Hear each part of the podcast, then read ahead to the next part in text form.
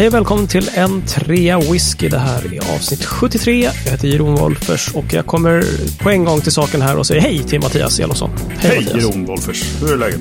Det är bra, tack. Jag är på eh, västkusten. Det är bra, dricker lite whisky. Hej David Tjäder, hur sitter du? Nej. Vi pratade precis i inledningen här att det var någon som hade tweetat om att allt det där puttriga småsnacket innan, skippa det och kom till, kom till saken. Liksom.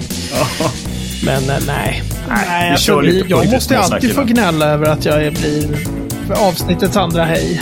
David, du får inte prata nu. Inte hejat på dig Nej, men jag, ja, det är ju okay. mitt andra hej. Det är jag. I... Sura gubben. Vitkränkt man där borta i hörnet. Ja. ja. VKM, det är jag. Japp, framför ett berg av samples.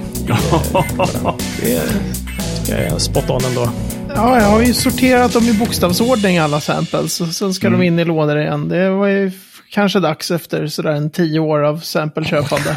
ja, herregud. Det var ju några stycken. Ja, det är några. Ja, mm. Men du har ju jobbat hårt på dem nu, så att eh, de är snart slut. Ja, men och sen är det ju ingen människa som har skickat mig några samples på Glenesk fast jag bad om det i förra avsnittet. Det är ju, jag tycker det är så ofattbart dåligt av våra lyssnare. Ja, nu lägger vi ner den här skitpodden. Exakt så. Hörni, har vi någonting i några glas här borta då? Mattias? Vatten, bara. Eh, jag ska eh, eventuellt ut och köra bil senare, så att eh, det fick bli så idag. Just det. Diväteklorid heter det inte alls det. Diväteoxid heter det ju. Herregud. Herregud. Kulturskymning. Du då David? Något sample ja, kanske? Som... Jag har en, en Ardbeg Grooves Committee Release. Och så konstaterade jag att jag tydligen inte hade provat den för blogget, alltså bloggen. Jag hade liksom inte skrivit några noter på den. Uh, jättekonstigt. Men det hade ju sådana 10 centiliters sample så att det är ju bara att tulla lite mer på det. Mm. Så, ja, jag är på landet så, jo, jag är på landet så även här är 10 centiliters samples. Det här. Jobbar vidare på Longmorn 16 i detta. Ah, I detta nu då. Japp. Mm. En sån jäkel. Kunde passa idag. Jag måste snabbt få flika in en liten grej som jag... Jag, jag läste en sak på den här underbara eh, Facebookgruppen Whiskynörderi på hög nivå. Mm.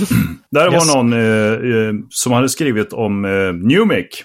Mm, han hade hittat en gammal eh, Ardbeg Newmake från eh, 97 som han eh, uppskattade och tyckte var väldigt bra. Och då, så, så, skriver han på slutet i sitt inlägg här så ska man säga. Jag var på en Newmake-provning med Becky Paskin för några år sedan.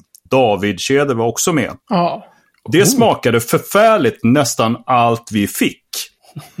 Då var jag tvungen att fråga honom, men fick aldrig något svar. Men då frågade jag dig David direkt. Var det så att du tyckte att det var förfärligt det ni provade där, när ni drack Newmake? I så fall, så vill jag att du gör avbön. Här och nu. Alltså, och håller med mig om att New Make är äckligt. Oj, så här, nu. Så här skulle jag säga. New Make är ju inte särskilt gott, nej. Och det är, men den är ju heller inte designad för att vara god. Det är det misstaget man gör ofta. Man så här, jag har provat ja, ja. fem sorters New Make och den som var godast Mm. Det måste vara det bästa destilleriet. Men det är så här, mm. den är ju inte gjord för att, för att, den är ju gjord för att vara bra efter liksom massor med år i ekfat. Ja, jo, precis. Um, men ja, alltså jag, jag minns den, uh, jag, jag, skulle nog inte säga allt vi smakade var förfärligt. Därför att det var fokus under den provningen var väldigt mycket uh, det var ju Diageo-destillerier bara. Så man var ju väldigt nyfiken. Man förstod ju att all New Make kom från Diageos mm. destillerier. Så man var ju väldigt mm. nyfiken på, man, man skulle tänka och gissa vilken kan det här vara. Ja, ja. Men det, handlade mycket om att så här, här är en rökig, här är en som de skär spriten lite högre, här är en sån som har lite längre jäsningstider. Och så, att man skulle mm. se skillnaderna. Okay. Mm, Men mm. nej, alltså New Make är inte särskilt gott. Det är, alltså det är en funktion va? Det är som jetbränsle för flygplan. Jag menar kom igen. Vi gör fina saker på slutändan. ja, exakt. Då vill, jag, då vill jag att ni kära lyssnare hör här nu vad David säger. New Make är inte särskilt gott. Då kan vi liksom bara dra ett streck i den debatten. Fast jag tycker ju fortfarande att det är lite att vi är eniga om att New Make är äckligt. Nej. Icke. Ska du komma här och krångla nu? ja, jag har ju sagt att det är trevligt. Men uh, som sagt. ja, men gott. Bränsle är också trevligt. Okej. Okay. Ja. Jag tror att vi, vi... Let's agree to disagree. Mm. Very much Och när vi har disagreeat så här så tänker jag att vi slungar oss med, med våld in i veckans ord faktiskt. Och eh, vi har ord och destilleri här eh, enligt eh, enlighet på bokstaven D. Som i David, du... som det här avsnittets andra hej. Ja, ja exakt. Jag ska ja, bara var det. Just det, du heter David ja, så var det. Tänkte inte på den.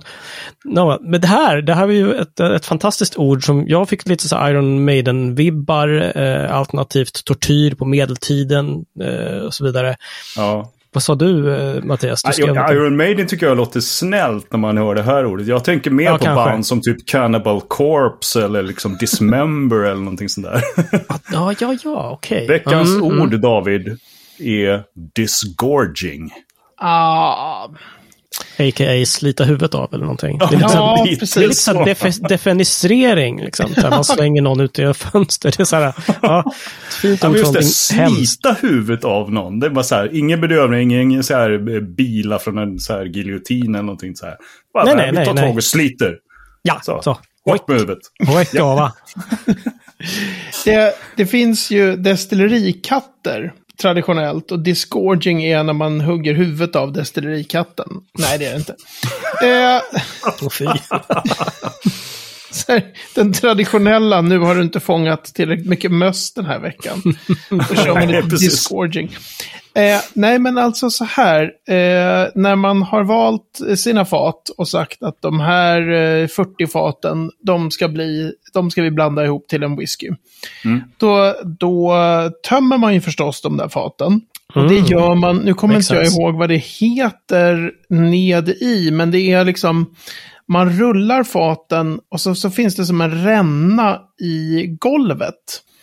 Och så mm. slår du av, du slår ur den här bungen ur fatet då.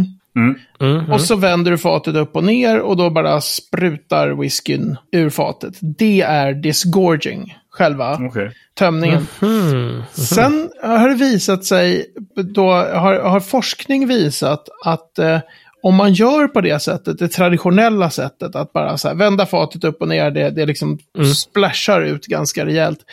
Det man förlorar massor aromer. Mm. Eh, ute doftar ju säkert fantastiskt där. När man, säga, liksom... Den här betongrännan har ingenting med det att göra. Liksom. Ja. men det, är en, det är en ränna i golvet? Det är en ränna i golvet med ett, som, ett, som ett metallfilter och så rinner spriten genom ner till våningen under. Ah, okej. Okay. Ja. Eh, mm, mm, så. Det mm. finns, man kan prova, eh, sägs det, jag har ju aldrig varit på Ardbeg då, men det sägs att man kan få prova där Ardbeg 10 from the gutter. Alltså, eh, cask strength så som den var när den rann in the gutter. Ja, just det. Ja, det lät ju charmigt. Ofiltrerad eller? Precis, men just bara mm. det här är. Men så, så numera, mm. Tydligen så är det någon slags... Vad var det där? Grus? ja, precis. Ja, men lite så.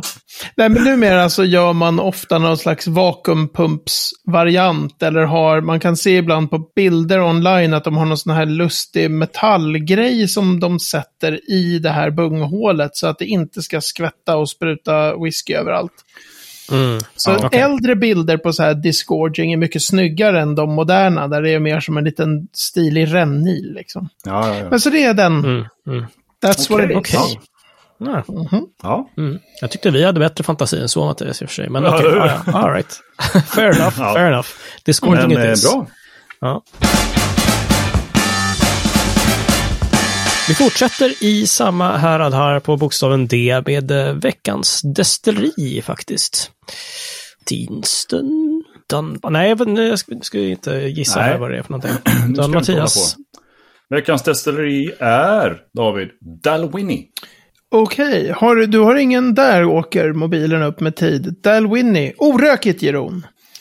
Eh, Diageo-ägt destilleri. Gud, nu går tankarna på helspänn här vad jag kan säga om Dalwhinnie. Eh, mm. Det är ett sånt där 1890-tals destilleri tror jag. Grundat alltså under eh, whiskyboomen på 1890-talet. Mm. Eh, ja, men en viktig grej kring Dalwhinnie som jag alltid tycker är lite, låter lite som en marknadsföringsploj. Det är så här, man brukar använda Dalwhinnie som ett exempel på att det visst spelar jättestor roll för spriten om man använder skalrörskondensorer eller wormtubs. Mina älskade wormtubs. För ja, ja, Dalwhinnie mm. har wormtubs. Mm -hmm. Och då brukar man säga så här, ja, Dalwhinnie hade ju wormtubs och sen bytte de till skalrörskondensorer. Men sen så märkte man att det hade sån påverkan på spriten. Så de bytte tillbaks till wormtubs. Mm -hmm. eh, och det skulle vara ett bevis för att det är, är, så viktigt vilken typ av kondensor man har. Men de hade ju liksom skalrörskondensorer i över ett decennium. Så att någonting är ju ja. konstigt med den där storyn. Som de bara ja. så här, åh, åh, men det påverkade spriten så mycket så här. Men det borde ni ha märkt ganska på en gång om det är frost. Liksom. Mm. så här, ja. Men så det, det är ett sånt här eh, Wormtubs-destilleri i alla fall. Mm. Mm. Eh, det är... Det, man har det nu igen alltså? Det, nu nu ja, kör man precis. på det? Ah, Sen okay. typ 15 år eller någonting. Men det, jag, jag, kan ja. inte de där åren precis när de tog bort och satte dit. Svagt, de, men. Okay, okay. Mm. De hade skalrörskondensorer sjukt länge. Alldeles mm. för länge för att den här storyn om att men det påverkade spriten som man bytte. Bara, Come to think of it, smakar inte annorlunda nu förresten? Precis, efter ett decennium kommer man på det. Mm. Mm. Men eh, det är också ett roligt destilleri därför att det är en grund, man kan använda det som en grund för att problematisera var Speyside ligger. För att det ligger formellt i Speyside, men Speyside mm. är en del av Highland, så man får sälja sin whisky som single Highland Malt Whisky. Om okay. man ligger i Speyside. Och det gör mm. Dalwhinnie. Mm. Men det ligger också ganska långt ner i Speyside där folk tror att här kan ju inte Speyside ligga. Så ofta mm. på mhm. kartor kan man se Speyside uppritat så är det så här att Speyside är större än sådär. Dalwhinnie ligger liksom utanför, så som mm. många ritar upp det. Mm. Eh, ganska snäll whisky. Mm. Dalwhinnie. Inte alls sådär wormtubsy som, man, som jag tycker att wormtubs eh, sprit är. Men har du något eh, bra tips, någon personlig favorit som Alltså jag, nej. Jag tycker det är ganska tråkigt. Ja, okay. Ganska trist. Eh, alldeles för snällt liksom. Men jag har inte provat. Det finns säkert massa oberoende buteljeringar som är bra. Men vanliga mm, 15-åringen mm. och sådär. Och Distillers Edition och de där. Jag tycker de är ganska sådär. Eh. Okej. Okay. Um, ehm, ja, och nu har det gått mer än tre minuter. Herregud. Det är så, och det är det ju aldrig när vi håller på med det här. Konstigt. Nej. en ambition snarare än ett faktum. Mm. Mm. Ja, vi har ju ett tema den här veckan som eh, handlar lite grann om det vi nämner i, i varje avsnitt. Liksom det här med vem som äger destillerierna. Och väldigt ofta är det då, eh, hur säger man nu, Diageo. Diageo. Diageo, precis. Eh, vi har lite andra olika Eh, sådär. Och vi tänkte väl kolla lite grann, hur ser det ut egentligen? Är det liksom, det är bara ett fåtal stora som äger alla destillerier. Men det finns också några, några få liksom ensamägda. Hur ser det ut egentligen, den här whiskyvärlden? Ja, alltså jag eh, fick ju veta det här för ett par timmar sedan, att ni hade någon tanke om ägarstrukturer i whiskyvärlden som eh, mm som tema. Så jag gick till eh, eh, Bibeln, det vill säga den enda whiskybibel som finns, som är Ingvar Röndes eh, Malt Whisky Yearbook. Jag trodde du skulle säga din egen bok som inte... Ja, ja men eh, okej, okej, okay, det var ändå... Ja. Okay. Här varje år kommer Malt Whisky Yearbook och där har han, eh, Ingvar Rönde, fantastiska sammanställningar. Mm. Eh, och och för att få en bild av just uh, ägarstrukturer så, så, har han två olika sammanställningar. Han har en som han kallar för Summary of Malt Distillery Capacity by Owner. Alltså, mm -hmm. man räknar utifrån kapacitet på destilleriet. Mm. Eh, hur stor del av, av whiskyindustrin och hur stor kapacitet har alla destillerier räknar tillsammans och sådär. Nu ska man ha mm. klart för sig att jättemånga destillerier går ju inte för full.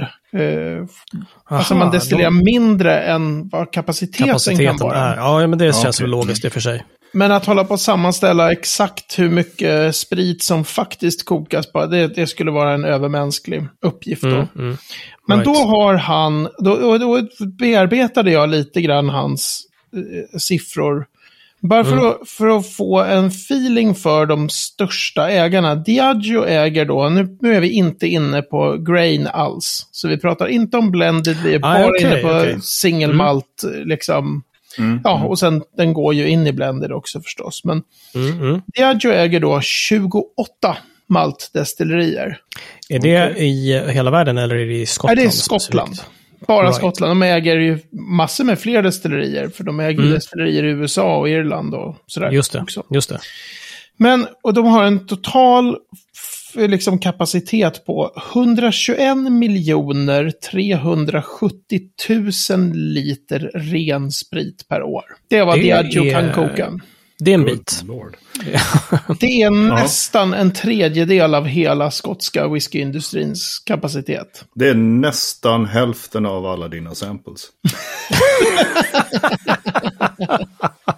exakt. exakt. Jag har samples motsvarande 121 miljoner liter ren sprit. Ja, det ser fan ut så. Men så de är ju de är överlägset störst, Diageo. Mm. Mm. Sen kommer Pernod Ricard, de äger 13 destillerier. De okay. kan koka 76,5 miljoner liter ren sprit. Right. Eh, Inte heller en, riktigt kattkiss. Ja. Men det är nästan 19 procent av all kapacitet i Skottland. Yes. Sen hoppar vi ner till 9,3 procent och då är det, det är faktiskt ett oberoende ägt, det jättestora William, jättestora William Grant Sons som har fyra destillerier, alltså Glenfiddich. Mm. Ah, aha, eh, okay. de, de är ju unika i det att det är ett oberoende ägt eh, liksom, företag. Det är inte företag, så här, de ägs okay. inte av några som ägs, som sen ägs, som sen... Mm. Men sen om man säger Diageo, då är ju det Diageo Skottland som ägs av stora Diageo. Alltså, okay. det är ofta sådana här liksom ah, mm, mm. stora eh, ägargrupper. Men William Grant, yes. de kan koka 37,5 miljoner liter ren sprit. Mm, Sen går man mm. ner på Edrington, 23 miljoner, 23,1 mm. miljoner. Och så där fortsätter det. Och så räknade jag, tog de, nu ska vi se här, vad har jag det dokumentet? Gjorde jag ju till och med så duktigt här inför att vi skulle oh. prata om detta. Ah, om man tar de 18 största företagen för mm. skotsk malt whiskyproduktion. Mm. Det är grupper som kan koka upp till 4 miljoner liter ren sprit per år. De 18 företagen motsvarar 92,7 procent av all kapacitet att göra maltwhisky i Skottland. Okej. Okay. Eh, mm. Går man upp och säger de åtta största företagen, de har 78,5 av all kapacitet att göra malt. Och tar man bara de fyra största så har de räknat 63,9 procent av all kapacitet. Så att, Okay. Det är väldigt få företag som gör nästan all sprit. Ja. Just det. Mm. Så när vi yep. jublar över så här, åh, Annandale, ett litet oberoende ägt destilleri, gud vad spännande, så här, de kokar, och så vad drar man till med då, så här 200 000 liter sprit om året, då, då är det sådär, som 0,05 procent oh. av all mm, skotsk Lite gulligt nästan. Mm. Ja, de, det är liksom ingenting. Nej, just det. Och de är totalt sett då långt under 90% av all skotsk whisky. Men, som är de här små alltså, spelarna. Just det, och nu sa du att det här var inte ens inkluderat grain alltså? Nej, just det. Och då blir ju det här nästan, eh, den här koncentrationen av ägandet blir ju ännu mer problematiskt. Därför att grain-destillerier har ju bara de största spelarna tillgång till. Det finns ju bara sju grain-destillerier i Skottland. Ah, Eller om det är åtta okay. kanske. Mm. Right. De har ju koncentrerats och blivit större och större och färre och färre. Så att om man vill... Mm. Om man är som så här oberoende buteljerare som startar ett destilleri. Mm. Som Adelphi startar Adna Mörkan och alltså sådana här. Eh, Signatory köpte Edward Dower Mm. Eh, för massor med år sedan och sådär. De, om de ska ge ut blended whiskys för att ge sig in på den mm. delen av marknaden, då måste ju de deala med de här jättarna för att få tillgång till grain whisky. Okej, okej. Okay, okay. eh, det finns liksom inget sätt annars att få tag på på sån, nej, det finns ju inte liksom, den volymen som man vill ha liksom. Nej, och det finns, mm. Loch Lomond är ju det enda destilleriet jag som är, som är sin egen grupp och som har sitt eget graindestilleri. Um, ja, William Grant har då, gigantiska William Grant har sitt Gerven. Aha, mm. okay. Det är ju liksom yes. maktmedel. Det var de ju tvungna att bygga för att Diageo, enligt vad som har sagts, eller vad som sägs mellan skål och vägg, att Diageo var så här, mm. vi kommer inte ge er någon mer grain whisky. Eller ge er, vi kommer inte sälja någon mer grain ja, whisky, för ni ja. börjar bli eh, en farlig konkurrent här då. Då var de så här, fuck this ja, för... shit, vi bygger ett grain destilleri. Ja. Shit, Men är det så att man kan liksom prata om oligopol i den här branschen? Att det är så här, de här stora drakarna som bara äger hur många destillerier som helst? Finns det någon risk att de liksom så här köper upp eh, mindre nya? Ja. För att liksom stärka sin roll på marknaden? Alltså, man skulle ju behöva jobba i skotsk whiskyindustri för att kunna svara på det. Därför att de kommer mm. ju aldrig mm. svara det där är ju inte en typ av grej som man kan så här, intervjua någon på Diageo och säga. Har ni nästan, eh, strävar ni mot en monopolsituation? Skulle jag mm. säga, aldrig i livet liksom. Nej, eh, såklart. Nej. Så man måste ha väldigt, väldigt mycket mer insyn än vad jag har. Men om man tittar bara på siffrorna, mm. på produktionen, så är det ju inte eh, en, en rimlig grad av konkurrens, skulle jag säga. Som någon som Inte har pluggat alltså. väldigt mycket ekonomisk historia. Mm. Um, så skulle jag mm. säga att den, den här ägandestrukturen är inte rimlig. Liksom. Nej, okay. Du tycker att det borde finnas fler liksom, spelare som, som gör, gör sånt här, som till exempel kör grain och sådana saker, eller? Ja, och så, så alla sådana här stora affärer som när mm. Diageo skapades och de var tvungna att sälja av det här ehm, eh, företaget som hette John Dewar Sons. För att de var så här, mm. ska, ni, ska de här olika eh, grupperna slå ihop sig och bilda det här nya Diageo, då mm. ska ju det godkännas av EU och så här, man har massor med sådana antikonkurrens, alltså Mm, eh, mm. Vilka, vilka grupper det nu är och vilka, vilka eh, myndigheter som kollar det kan jag inte i huvudet. Men de var ju de var liksom tvungna att sälja loss det företaget för det bedömdes att ni får för likt, ni kommer för nära monopol helt enkelt. Mm. Just det, just det. Eh, och det är klart att det finns massor med positiva saker med att koncentrera ägandet i relativt få händer. Eh, alltså mm. risken för överproduktion blir mycket mindre.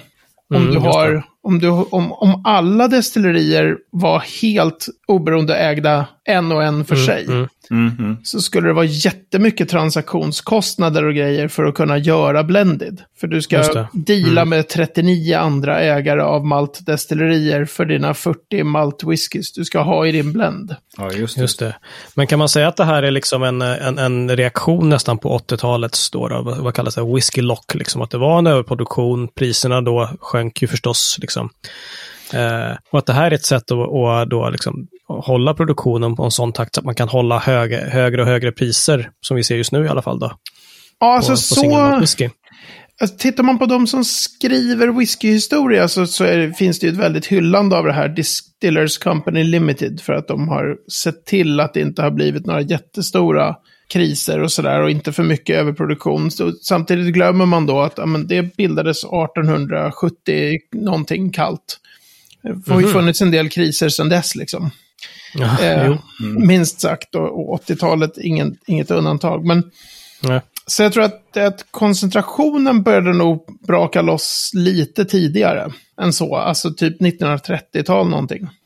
Det här med att det är mm få ägare. Mm. Mm. Men okay. sen är det ju så mycket, det som är ett problem är ju kanske att när ägarna blir sådär stora och internationella Mm. Eh, när de inte är skotska och när de inte, de som producerar whiskyn, mm. inte längre är så här, jag gör min whisky på destilleriet där jag har bott, eller där jag har jobbat i 20 år, utan som sagt, mm. Diageo, personalen är ju ganska rörlig. Man är liksom, man tar hand om mm. destilleri A i fem år och sen så är man sju mm. år på destilleri B och sen så är man... Mm. Mm. Så eh, det tar ju bort liksom... Är det en likriktning av whiskyn liksom? Ja, men precis. Det blir ju någon slags sär, det särpräglade som gjorde destilleri A unikt. Mm. På liksom 30 eller 40 eller 50-talen. Innan den mm. här strömlinjeformningen och så här, när, när samma människa jobbade som destillerichef där i liksom 40 år och Just gjorde det. saker och ting på sitt sätt. Mm, mm. Så kanske det var bättre. Mm. Sen är det ju alltid ett problem med oligopol-liknande situationer. Är ju liksom, det är ju inget bra. Nej. Alltså få ägare är ju värdelöst för, för kvalitet och konsumenter. Så är det ju. Ja, mm. men precis. Och nu ser vi att priserna ökar jättemycket och ja, likriktning kanske lika så. Kanske eh, inte lika fort, men det ja, finns nej, mycket precis. whisky och mycket whiskyproducenter ändå för all del. Liksom. Men alltså, i långa loppet så är det det som, som är risken ju, absolut. Mm. Ja, och det blir ju väldigt så här, när ägandet är, är långt ifrån det fysiska destilleriet. Om ägandet är mm. liksom i Japan eller i USA eller i Frankrike eller i Italien som exempel mm. på länder som har mycket ägande. Uh, USA hade väl mer förr, men Brown Forman äger väl några destillerier. Eh, mm, de, de stora grupperna, de jobbar ju liksom för att ge utdelning till sina aktieägare och eh, styrelsen arbetar på att bli rik. Mm, det visar ju all ekonomisk historia, liksom att det inte... Mm, mm. Har du en styrelse för ett stort företag så arbetar ju styrelsen för att öka sina egna bonusar. Mm. Det är ju mm, liksom mm. huvud... Det är klart att det är det de vill. Det är inte liksom särskilt sannolikt att det är den bästa strategin, leder till den bästa whiskyn. Nej. Det är liksom inte men det som fasen, är i fokus. Men hur fasen ska man, liksom, om man ser på de här stora ägargrupperna, det finns ju inget sätt att, liksom, att splitta upp det här igen. Liksom. Om det inte är, liksom, som du säger, EU och lagstiftning och någon säger att ah, men hörni, mm. det här är faktiskt oligopol och man kan bevisa det på något sätt och att, att företagen döms till att sälja av eller knoppa av eller sånt där. Det känns ju inte supernära, eller? Nej, alltså jag tycker ändå... Nej, det, det tror jag Det får man ju ändå lita på att de som har det som yrke tittar på och håller koll på att det inte mm. blir mer. Och det är ju ständigt i sådana här... Eh, de här grupperna som äger är ju väldigt liksom historiskt förändliga, men de är ju alltid väldigt stora. Så mm. Mm. förut hette så var Shenley en jättestor ägare. Det är ingen som mm. pratar. Vad, vad, vad, vad hände med dem? Det var helt borta. Whitbread, en annan amerikansk sån här, mm. ägde jättemycket i skotsk industri. Är ju helt försvunnen nu. Allied ja, Distillers. Så, alltså det finns massor med sådana här. Så en dag kommer ju Diageo inte finnas, därför det kommer ätas upp av något. Just det. Ja, om tio år så är det bara så här, alla destillerier ägs av Nestlé. Ja, det, det, det, det lät precis. inte helt positivt kanske. Förlåt alltså. Nej, men precis. Nej, men det, är ju, det, finns ju, det finns ju risker ändå med, kanske mm. inte att alla destillerier, men just de här när, när man läser om, jag ska se om jag kan komma på något exempel, det är ofta så här, Ja men säg så här, Inverhouse Distillers kan en grupp heta. Och sen så läser man, och sen så är det så här, fast de ägs i sin tur av något. Just det. Mm, och sen så går det precis. några år och sen är det så här, ja, men det är inte de längre som äger Inverhouse Distillers. Nu är det de här som äger Inverhouse Distillers. Så att de här Just det. Jättegrupperna som äger det som vi ser som jättegrupperna, mm. de mm. ändras ju. Mm. Just det. Eh, och det tycker jag är lite så här scary, när, mm. när det helt plötsligt mm. är något så här gigantiskt sydafrikanskt eh, konglomerat som helt plötsligt äger eh, de här som ni nämnde, var Deanston som ni skulle luras att det skulle vara istället för Dalwin. Ja, de äger väl Bunnahaven också. Mm -hmm, okay. eh, Distell, det är så här. Och det är väl, mm. gör väl inget, men sen om fem år så är det inte Distell längre, utan då är det någon annan mm, som har det, köpt Distell. Och sen är det några som mm. köper dem, som köpte dem, som har köpt Distell. Alltså det blir så, det är sådana gigantiska mm. korporationer. Och det tror inte jag är... Eh, fokus blir så. inte whiskyns kvalitet liksom. Nej, ja, just det. Mm, mm. Ja, vi får väl glädja oss åt att det fortfarande startas några små destillerier som, som, som, som drivs av folk som verkligen vill göra bra whisky. Mm. Och, ja, och de är ju... Whisky. Precis, och det är ju, de är ju givetvis Och det är jättebra, liksom kapitalister hela bunten. Det är inte som att så här, man ska inte vara mm. idealist och bara så här, men de, de, vill, de bryr sig bara om whiskyn. Ja, de vill också tjäna pengar, givetvis. Ja, det, är inga, det är inte det som är problemet. Problemet är väl om, mm. om man egentligen är ett jättekonglomerat som äger liksom 500 restauranger, fyra bilsorter, en eh, gaspipeline och eh, tre destillerier i Skottland. Mm. Mm, just det. Och det är så här olika grenar av bara. Man liksom, mm. mm. Då, då, känner man lite grann så här, vad, vad hur långvarigt och, är det där engagemanget? Och liksom? var, är, var är passionen i det där? Liksom? Ja. Mm. Nej, precis. Nej, precis. Det är nog det som, som saknas. Och då kan man ju, man kan ju också använda sin plånbok lite grann och, och lägga sina pengar på. Alltså att undersöka sådana här nya oberoende ägda destillerier. Undersöka de som är lite mindre. Mm, Försöka visst. tänka på att inte liksom... Mm. Jag menar, så gör man väl med restauranger ibland. Att så här, man kanske inte måste äta om jag ska ut och äta. Äta på liksom en franchise-restaurang precis varje gång. Nej, det är det. bra Nej, just att göra. Ja. Mm. Ska vi eh, lägga några oberoende, tänkte jag säga, i show Eller hur ska man göra det här? Liksom? Hur hittar man dem? De mindre. Det kan vi, det kan vi absolut göra, för det, det finns en, också en väldigt bra lista med Active Distilleries per Owner i, i den här boken. Aha, Ingvar Röndes, ja, ja. men då skulle jag behöva sitta och läsa massa destillerinamn. Ja. Um, ja, nej men vi kan verkligen tipsa eh, alla lyssnare om, om uh, Malt Whiskey Yearbook. Det är ju faktiskt, den är ju toppen. Ja. Jag köpte min första här i tidigare i år tror jag. Mm. Den är ju verkligen jättespännande, kan man sitta och kika i. Mm. Och är minsta intresserad av, av eh, destillerier och whisky. Ja, så det är ett köptips. Do buy it. Så det är så. Hörni grabbar, i och med det så tänker vi runda av den här avsnitt 73 med att säga på n3whisky.se 73 så kan ni läsa mer om vad vi har pratat om. Du kan hitta en länk till Malt Whisky e-book och se på kartan hur långt bort i Speyside Dalwhinnie ligger. Eller hur David? Ja, just det, precis. Den ligger, den ligger off, men det är faktiskt Speyside. Ja, ja, ja, ja, ja, vi får väl se. Ja. På facebook.com en whisky så kommer ni i kontakt med oss om ni vill ställa frågor och ja, ge oss allmänt beröm. Det gillar vi. Frågorna mest kanske. Eller ja. berömmet. Frågorna, ja. berömmet. Både och. Berömmet. Både och. Ja, kör båda. Kör båda. Då var Mattias. Astrevligt. Vi eh, syns om en vecka. En vecka heter det. I Marschallens skugga. Eller något. I Marschallens skugga? Var länge sedan vi tog den. Vad är det? Katla. Det är ny cirkus på riktigt. Ses i Marschallens skugga. Amen. Ja, ja, ja, okej. Okay. Och kom ihåg, New Make är äckligt. Nej, det är gott. Nej, det är äckligt. Det är sju sorters New Make. Vet man aldrig vad man får. Nej, det är kyckling. Nej, jag skojar. Det är New Make. Okej, okay. vi bryter det här.